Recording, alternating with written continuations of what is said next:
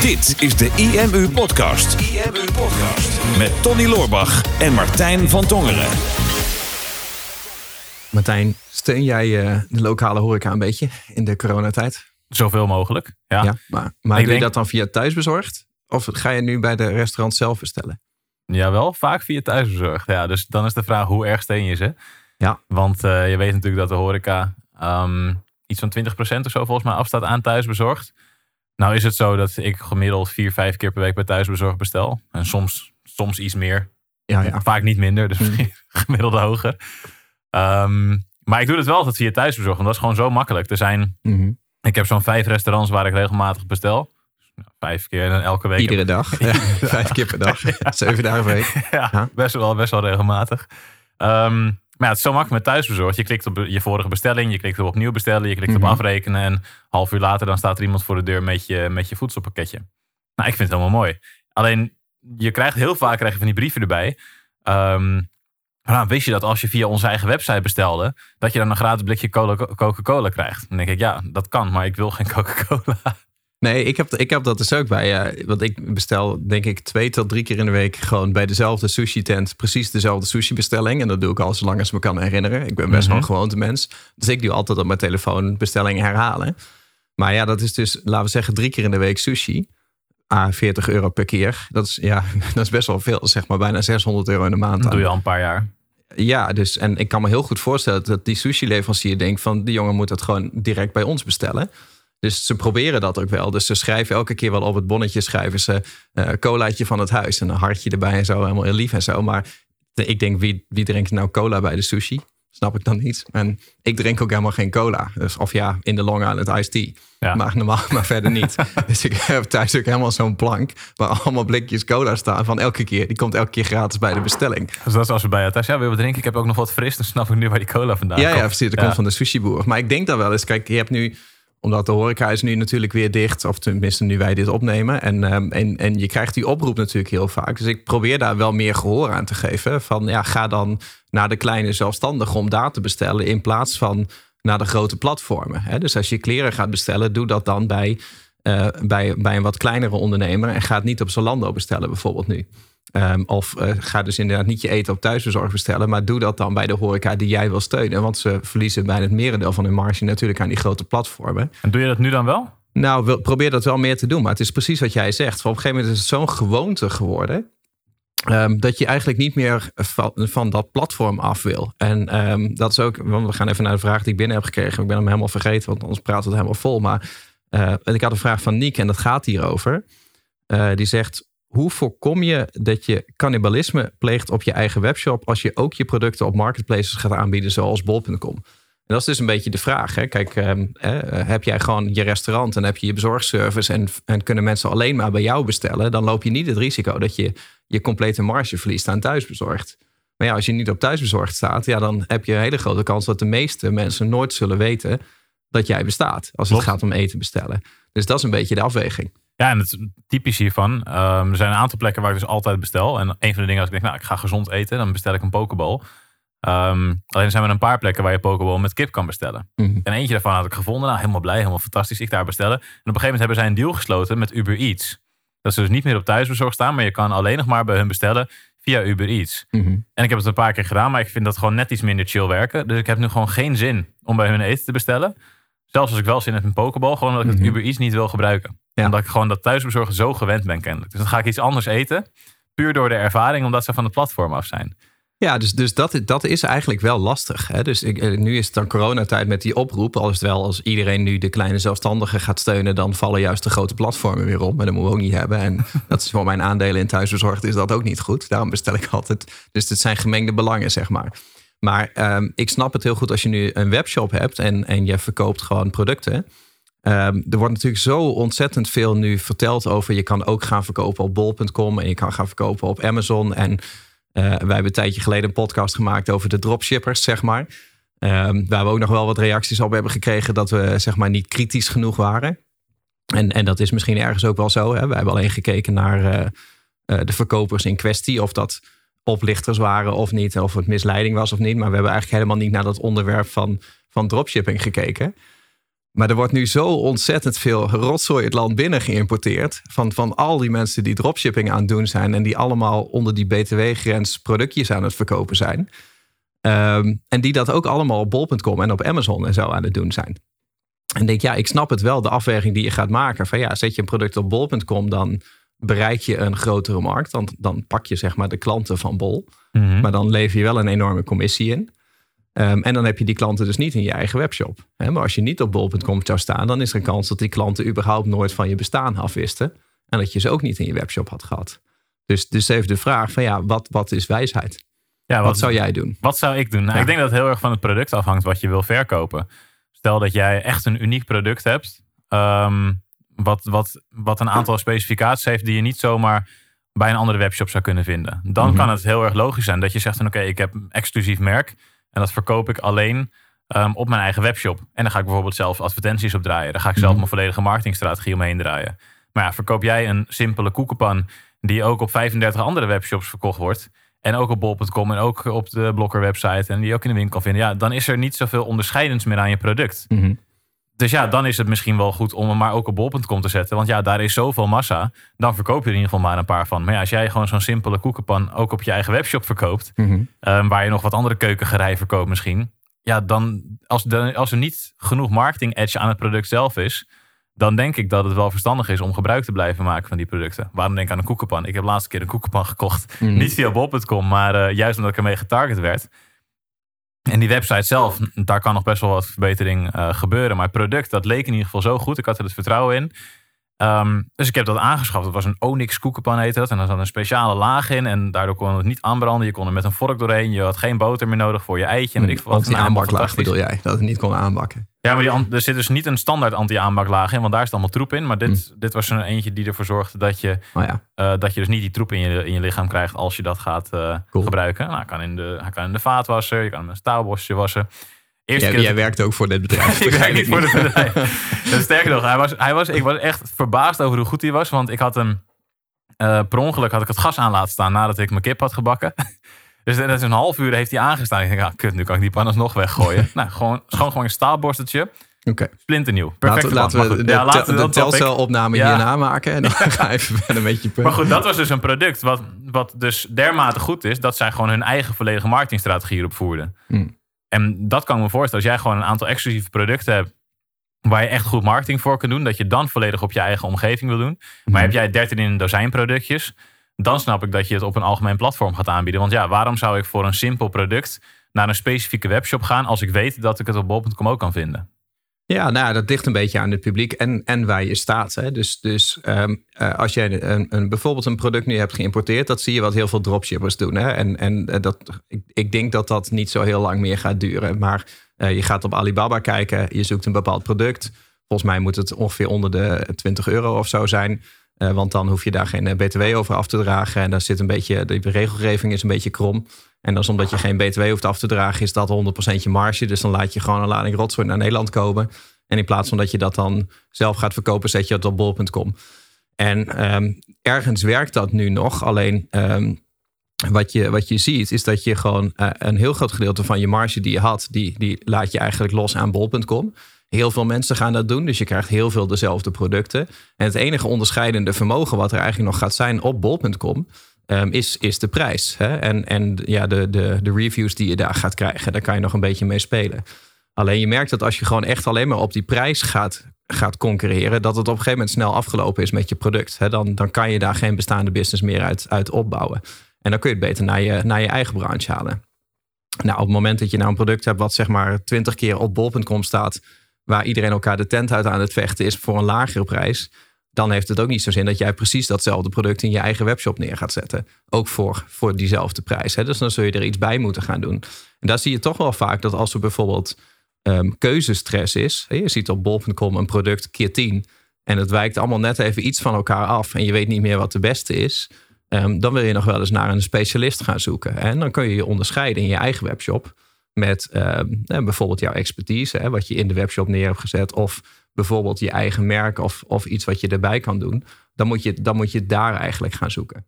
Ja, en dan wil je dus in ieder geval zorgen dat het er niet meer uitziet alsof je producten aan het schuiven bent. Zo moet het niet uitzien, dat moet je gewoon nog niet doen. Hm. Ehm, maar dan moet je dus laten zien dat jij de expert bent op dat gebied. En dat mensen zi- zich vertrouwd voelen op dat gebied. En dat zie je natuurlijk ook in het dropship wereldje. Dat Mhm. achter al die ehm bol.com eh, shopjes en Amazon shopjes. En ook die losse, losse webshops waar dan iets op verkocht wordt. Dat het totaal geen historie van dat bedrijf te vinden is. Mhm. En mensen zijn er ook nu al vaker naar op zoek, omdat het wat vaker in het nieuws is geweest. Er zijn Ja. wat mensen bij een aantal van die kritische programma's geweest. Dus ja, er wordt al wat kritischer naar gekeken. Dus je ziet dat mensen nu meer research gaan doen ook van hey, kan ik dit bedrijf wel vertrouwen? En dat zie je nu ook vaker op bol.com. Zie ik steeds Mhm. vaker op internet voorbij komen. Mensen zeggen ja, als ik bij een derde iets koop via bol.com, zoek ik altijd eerst op of ze in ieder geval wel een website of een eigen webshop hebben. Want dan weet ik in ieder geval dat ik het kan vertrouwen. Dus het Mhm. loont sowieso natuurlijk om er altijd een eigen shop naast te hebben voor het vertrouwen. Ja. Ik zou er sowieso voor zorgen dat je geen rommel gaat verkopen, maar gewoon gedegen producten waar je ook echt achter Ja, staat. misschien scheer ik het even allemaal e- over één kam nu.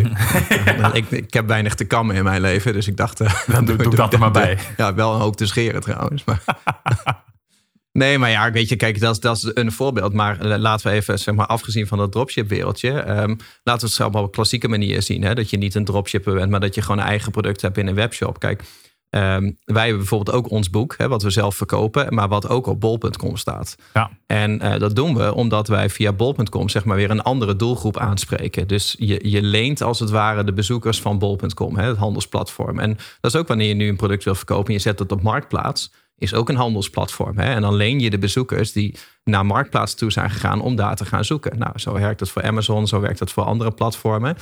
Ehm, ons doel is dat als het boek ook op bol.com staat, eh, dat het ons meer autoriteit geeft. Hè, omdat Bol toch een zekere autoriteit geeft van hey, eh, dit boek staat bovenaan in de, in de lijst eh, rondom marketing en sales. Ehm, en er zijn een heleboel mensen die kennen ons niet, maar die gaan naar Bol om boeken te kopen. En die komen ons dan al zoekende tegen. Hè, dus daar hebben we extra afzet. Eh, nadeel voor ons alleen is, is dat wij die klantgegevens vervolgens weer niet hebben van, van Bol. En, dat, en dat, ik had het even met eh, een goede vriend van mij, Bas, over. Die zit heel erg in dit soort uh, branche. Ik zei, hoe, hoe werkt dat? Zeg, als je zelf een product op Bol zet uh, vanuit je webshop en jij doet zelf de distributie, ja, krijg je dan wel die klantgegevens? En zei, nou ja, bijna niet. Uh, het enige wat je kan krijgen is als je dat zelf doet, is dat je ja, het product wat je moet versturen en het adres. Maar bijvoorbeeld het e-mailadres en telefoonnummer zitten niet bij. De communicatie gaat allemaal via het platform van Bol. Um, en, en dat maakt het gewoon heel erg lastig. Dat je, ja, je hebt die klanten wel, maar je kan ze vervolgens kan je ze eigenlijk niet echt gaan opvolgen. En dat is dus een beetje de afweging die je moet maken. Van, hè, um, ik zou altijd kiezen gewoon voor je eigen webshop. Uh, en het liefst je je eigen producten en je eigen merken. Dat is iets wat Bas ook aangaf. Die zei ja, op een gegeven moment qua dezelfde producten verkopen, constant prijzen verlagen, werkt niet. Je kan beter gewoon je eigen producten gaan maken, je eigen merken. Dus die is nu zelfs uh, fabrieken aan het bouwen in het buitenland. Super vet. En uh, maak dan je eigen product, bouw je eigen webshop, je eigen merken, je eigen marketing. En gebruik dan een, een handelsplatform voor extra afzet van mensen die je zelf niet zou bereiken. En dan kun je natuurlijk wel zorgen dat er bijvoorbeeld wat flyers bij die producten ingaan. Zoals de sushi boer bij mij ook probeert te doen. Elke keer zit er een flyer bij van... wist je dat je ook bij ons zelf kan bestellen? Zo kan je wel met klanten proberen om daar, om daar in contact te komen. En dan is het aanvullend aan elkaar. Maar ik denk dat als je alleen maar je klandizie naar Bol toe gaat schuiven... of naar een handelsplatform... ten eerste maak je het jezelf moeilijk qua marges... Um, Ten tweede voed je in principe ook Bol met alle informatie. Want zij hebben alle klantgegevens. En als jij een of andere bestseller hebt... dan ziet Bol natuurlijk ook wel van... hé, hey, dat is een product wat het heel goed doet. Dat zou voor ons misschien logisch zijn... dat wij dat product ook zelf gaan inkopen en gaan vermarkten. En dan ben je eigenlijk een concurrent aan het opleiden. Het, is, het, is, het is een beetje een lastige paradox waar je in zit. Ja, het is een beetje hoe we het ook wel eens in eerdere afleveringen hebben gehad over de verschillende soorten bezoekers natuurlijk. Als je op bol.com uh, je product neerzet, dan maak je gebruik van borrowed media. Dus je leent de bezoekers die al op bol.com zitten. Mm -hmm. En heb je je eigen webshop en je eigen omgeving, dan ga je meer naar owned media. Dan komen ze op jouw omgeving. Als ze bij jou kopen, mm -hmm. zitten ze volledig in jouw flow. Kan je ze in je funnels meenemen, kan je ze uh, meer producten gaan verkopen. Kan je ze na een x aantal periode, kan je ze misschien nog een extra kortingscode sturen van kom nog eens terug. Dat is ook voor ons het grote verschil natuurlijk. Toen wij... Um, het boek op bol zetten en op onze eigen website. Kijk, mm. op onze eigen website, dan komt iemand en die ziet, hey, ik wil het boek aanschaffen. In de checkout kunnen ze meteen nog een extra product aanschaffen, wat 100% marge voor ons is. Ja. Kopen ze hem op bol.com, kunnen ze ook wel een extra product aanschaffen. Mm. Daar hebben wij alleen niet zoveel aan. Dan op de vervolgpagina kunnen ze nog een extra product bij ons aanschaffen, wat ook weer marge voor ons is. Ja. Dus we kunnen, ze, we kunnen ze veel meer kneden eigenlijk, Mhm. omdat wij invloed hebben op wat die bezoeker doet en wat voor pad zo'n bezoeker gaat bewandelen. Maar bij bol.com is het echt alleen ja, je zet je product erop, je probeert een sexy omschrijving er neer te zetten en een Mhm. goede afbeelding. En dan maar duimen dat er sales komen. Maar ja, ik, ik, ik zit er natuurlijk niet diep, diep in. Mhm. Waarschijnlijk zal je vast nog wel een paar dingen kunnen doen voordat de comments hieronder komen. Ja, maar je hebt een hele training over hoe je goed kan scoren in bol. I know. Mhm. Maar nog steeds heb je in je eigen webshop en je eigen website kan je veel meer, heb je veel meer tweaks en tools om Mhm. er echt een experience van te maken Ja. die 100% voor jou is. Maar zeg wel, als je dat wil leren, moet je natuurlijk even naar Bas gaan. ja, een kleine, kleine pitch. Ja. Hij heeft nu eh, ehm, ondernemen op slippers, is zijn nieuwe concept. Dat is een mooie ezelsbruggetje voor. Je moet zeg maar denken aan een ondernemer, eh, maar dan op slippers. Hm. Dan, dan kom je zeg maar bij hem. Is Ja, loopt, al, loopt hij nu ook op slippers? vast, vast wel. Ja, Ja, ik het dat is niet. wel echt gewoon, jawel. Is Dus het is een be- 9 graden buiten. be- jawel, het is wel echt een belichaming van een ondernemer op slippers. Ja, Oké. ja goed, zo'n subtiele pitch. Gaan we Ja. straks even een appje sturen. Nee, dat, ik vind het wel leuk. Ik had even met hem overlegd. Want ik zit ook minder in het verkopen op bol. En weet je, eh, je ziet er heel veel. Hè, nu allemaal webshop eh, koningen. En ik krijg nu echt sinds dat hele spektakel aan de gang is... gewoon bijna iedere week wel een mail van iemand... omdat ik ook op mijn site heb staan dat ik investeer. Eh, een mail van iemand die me echt een, een standaard format stuurt met... ik heb eh, een webshop. Eh, we hebben dit jaar voor zoveel ton aan omzet gemaakt... Um, en het enige probleem wat we hebben is dat we niet genoeg financiën hebben om meer producten te kunnen inkopen. Want als we groter zouden inkopen, dan zouden onze marges beter zijn. Dus zoeken we een investeerder. En als wij zeg maar zoveel investering krijgen, dan kunnen we zoveel miljoen omzet gaan maken. En de mails zijn allemaal hetzelfde. Ze zeggen allemaal niet wat ze verkopen. En er staat allemaal geen, geen linkje bij. En dan weet ik al wie het zijn. Het zijn de dropshippers die gewoon rotzooi uit China aan het halen zijn. En die dat op bol.com hebben gezet. En ik denk, ja, dat snap ik wel. Maar voor, voor zover ik dat zie, ik ben er geen expert in, dus dit is geen advies. Maar ik denk niet dat dat een houdbaar businessconcept is. En ik had daar met Bas over. En kijk, Bas zit daar iets groter in. Weet je, die heeft tientallen miljoenen omzet gedraaid met zijn shops. Uh, met dagdeals en met handelsplatformen en webshops. En heeft ook tientallen webshops gehad. Dus daar heb ik dan iets meer gevoel bij, zeg maar. Dat hij weet waar hij het over heeft. En dat was geen rommel uit China? Um, ook wel. Heeft heel veel rommel uit China verkocht. Hè. Die heeft vorig jaar nog uh, miljoenen gedraaid met een zaklamp. En um, een lang verhaal. Ja. maar uh, nee, maar die weet, dat is echt een handelsman. En, um, en dat vind ik wel leuk, want hij heeft het daar ook over. Hij zei, ja, weet je, op een gegeven moment wil je er gewoon naartoe... dat je gewoon een aantal producten gaat kiezen van dit, dit, dit verkoopt goed. En dat kan je prima getest hebben, op, bijvoorbeeld op Bol of op Amazon of wat dan ook. Maar ga dan vervolgens zorgen dat je je eigen merk krijgt van dat product. Uh, en bouw dan je eigen webshop op met je eigen marketingmachine. Want daar zitten de marges. En uh, in webshops moet je het gewoon echt van goede marges hebben. Want je kan miljoenen omzet draaien. En nog steeds eigenlijk bijna niet winstgevend zijn. Omdat het allemaal weer opgaat in de inkoop. En natuurlijk heel veel vastzit in voorraad. En je ziet zoveel grote bedrijven ook in die Twinkle Top 100. Van webshops die miljoenen omzetten draaien. Maar die, die feitelijk geen geld hebben omdat de kleine flinterdunne winstmarge die er is, die zit vast in de voorraad. En van die voorraad weet je niet of je hem ooit nog weer gaat verkopen. Uh, dus het wisselt heel snel door. Dus ik zou zeggen van als je begint, prima dat je ermee gaat experimenteren.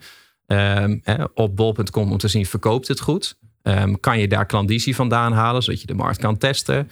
Um, is het iets wat je aanvullend kan doen? Zoals wij bijvoorbeeld met het boek doen. Dat je denkt, ja, dan bereik ik klanten die ik nooit eerder zou bereiken of anders niet zou bereiken. Dan is het prima. Maar ik zou de kern wel echt gewoon houden op je eigen product, je eigen merk en je eigen webshop. En wat je zelf zou kunnen doen, is dat je gewoon zegt: van ik zet mijn producten wel bol, maar gewoon duurder dan in mijn eigen webshop. Want, want dat kan gewoon. Want dan ben je wel zichtbaar. Uh, en het kan zijn dat mensen inmiddels meer onderzoek doen, wat jij ook al zegt. Van um, voordat ik iets via bol ga kopen, ga ik wel eerst even kijken naar de leverancier. Of daar wel een echte webshop achter zit. En zo kunnen mensen alsnog wel bij uitkomen. En daar zijn wel verschillende trucjes voor om dus wel met die mensen in contact te komen, dat je uiteindelijk wel vindbaar gaat zijn. Ja, ik ben wel benieuwd, want als ik kijk naar, naar het hele uh, dropship gebeuren, mensen worden er echt kwaad om ook vaak. Hè? Mm. Uh, over, oké, okay, we maken hem. Stel, ook, ook als je een eigen merk maakt. Mm. Want ook vaak als mensen nu een eigen brand maken, dat zie je nu ook steeds vaker in Nederland gebeuren. Dus mensen die um, maken vaak niet zelf een product, mm. maar die kopen het ergens in. Dus of het nou op AliExpress is of op weet ik veel waar. Vaak ergens in China wordt een product ingekocht. Mhm. Maar ik denk dat is al, zo lang als ik me kan herinneren, is dat zo. Dat was met Flippo's was dat ook zo. Met knikkers ja. was dat ook zo. Ja. Ik denk die werden voor een paar uh, mini-centjes werd dat, werd dat geproduceerd. Het werd voor veel meer geld verkocht. Maar nu worden mensen er ineens heel kwaad over. Mm. Um, omdat er een product in het buitenland is gekocht. voor bijvoorbeeld 2 euro. Ehm, en jij krijgt er dan voor 20, jij hebt er 20 euro voor betaald. Mhm. Ehm, en je krijgt het thuis gestuurd, dus je hebt het product gekocht wat je wilde hebben. Maar ja, je weet dat de verkoper het uiteindelijk heeft, heeft ingekocht. En die heeft er dan een eigen sticker op geplakt, als dit is mijn merk. Mhm. En ik sta daar, eh, ik sta daar garant voor. Ik heb ergens iets van, ja, ik keur het af als in van, ja, het is echt dozen schuiven. Ik zou het zelf niet willen. Mhm. Maar ik denk tegelijkertijd ook van, ja, het is gewoon, wat jij zegt, handel. Je koopt het in voor een bepaald bedrag en je verkoopt voor een bepaald bedrag. En als Mhm. mensen bereid zijn om dat bedrag te betalen, omdat ze er een advertentie voor hebben gezien. Ik denk als de volledige business eromheen klopt, dus je hebt goede klantenservice, Mhm. Ehm, je zorgt voor retourneringen als mensen daarom vragen. Je zorgt ervoor dat je geld terugstort als het niet van goede kwaliteit is of wat dan ook. Dan is het in mijn ogen is het wel gewoon een business die je zou kunnen draaien. Maar ik Ja, weet niet, hoe kijk jij er tegenaan? Nou, eh, eh, wat jij zegt, als het klopt, dan klopt het. Er is niks mis mee dat jij iets hebt ingekocht en dat je zegt van eh, je kan dit bij mij kopen voor meer. Ik bedoel, of je het nou uit China heeft gehaald of, of eh, bij, eh, bij, de, bij de slager om de hoek. Dat maakt niet uit. Het is gewoon eh, als jij gewoon eerlijk bent over je prijzen. en eh, mensen zijn bereid om het ervoor te betalen. Je levert een goede support. Zijn mensen niet tevreden, krijgen ze hun geld terug en, en alles klopt. Dan is, dan is daar in principe niks mis mee. Het probleem wat je ziet aan het dropshipping gebeuren, is dat er gewoon heel veel rommel tussen zit. Hè? Ja. Dus eh, zeg maar, jij eh, krijgt een advertentie van, van een of ander magisch product te zien. En het zijn allemaal een beetje dezelfde producten, hè? zo rond die 20 euro categorie. Ehm, wat je inkoopt, waarvan je op een gegeven moment, je koopt het. En vervolgens krijg je een doos thuis waar gewoon het AliExpress label nog op zit. Ja, dat, maar dat, dat en, echt- en dat, gebeurt heel veel. dat en, moet je niet en ik weet dat omdat heel veel van dat soort eh, mensen kloppen bijvoorbeeld bij mijn broer aan om de boekhouding te doen. Dus ik weet de individuele cases niet, want hij heeft geheimhoudingsplicht. Maar eh, hij kan natuurlijk wel delen wat hem opvalt. Hè, is dat heel veel eh, dropshippers verkopen zeg maar, op die manier een product. En die dragen dan niet de BTW af bij de grens, omdat het onder een bepaalde, bepaald bedrag zit. En die regelgeving die wordt volgens mij volgend jaar wordt dat weer aangescherpt. Dat weet ik ook niet precies hoor. En daar gaat deze podcast eigenlijk ook niet over. Maar wat je dan vaak ziet, is zeg maar, jij ziet een fantastisch product. Hè? Je had in de vorige podcast had je het over die eh, balshaver bijvoorbeeld. Nou, zo'n voorbeeld. Dat zou zomaar een dropship product kunnen zijn. Wonderproduct. Ja. Dan koop jij dat. Heb je het al gekocht? Nee, nog, nog niet. Nog maar ik krijg nu wel de advertenties door jou. maar eh, jij koopt dat dan. En dan vervolgens krijg je zeg maar een doos thuis met, een- met een AliExpress label erop. En eh, later een brief van de douane van eh, wil je nog even de BTW komen betalen. En, de- en er zijn heel veel van dat soort voorbeelden. Dus het is helemaal niet mijn idee om te zeggen dat eh, dat hele businessmodel werkt niet of je mag dat niet doen. Maar ik kijk er wel ietsje anders tegenaan omdat er nu zoveel zijn. En het is letterlijk wat jij zegt. Het is gewoon dozen schuiven zonder, zonder dat je van plan bent om er een business van te bouwen. En dat is helemaal niet erg als je jong bent en je wil dat proberen. Maar, maar bouw daar dan wel op door. Hè? Dus, dus ga op een gegeven moment gewoon kijken van ja, ik wil gewoon echt een webshop bouwen met mijn eigen producten. Trek het, trek het dan wel naar een volgend niveau. En behandel het ook echt als een bedrijf.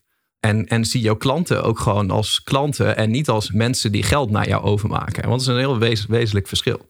Ja, dus uiteindelijk de kern van de boodschap eigenlijk. Zorg altijd voor je eigen webshop. Zorg altijd voor je eigen website waar jij eh, beheerder bent van het proces. Mhm. Ehm, en zie je bol.com of Amazon gewoon als extra kanaal. Ja, in principe wel. Ja, en dan eh, afhankelijk van waar je staat. Eh, dus, dus, dus als je nog helemaal geen klant hebt, kan dat juist heel fijn zijn om je eerste klanten binnen te halen.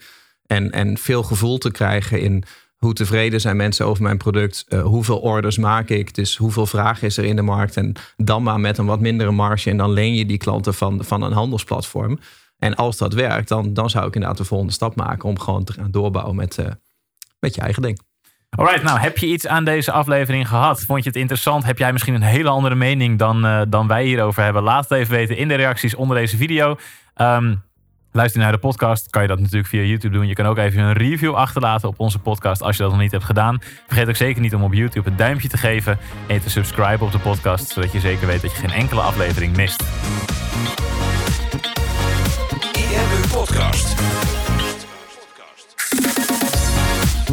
Super tof dat je hebt geluisterd naar de IMU podcast. Ik hoop dat je dit waardevol vond en dat je er inzichten uit hebt kunnen halen voor jezelf en voor je eigen business. Vond je dit nou een waardevolle podcast, dan zouden Tony en ik het heel erg waarderen als je dat zou willen delen. Enerzijds door dat bijvoorbeeld te delen via je eigen Instagram of via LinkedIn. Door een screenshot te maken van je telefoonscherm en ons er even in te taggen. Maar wat we nog meer zouden waarderen is als je de tijd en moeite zou willen nemen om een review achter te laten. Werk je met een Apple-telefoon, dan kan je dat doen binnen je eigen podcast-app door daar een review te geven. Geef ons een x aantal sterren met daarbij een korte motivatie wat je van onze podcast vindt. Zouden we echt enorm waarderen als je die tijd zou willen nemen. En werk je met een Android-telefoon, dan zie je dat, daar, eh, dat de meeste apps geen review-mogelijkheid hebben. Wat we dan heel erg zouden waarderen is als je op Google IMU zou willen intypen en vervolgens via de Google Review-sectie iets zou willen vertellen over de IMU, wat je van ons vindt en wat je aan onze podcast hebt gehad. Alvast heel erg bedankt en ik hoop natuurlijk dat we je volgende week weer mogen verblijden met een volgende aflevering van de IMU-podcast.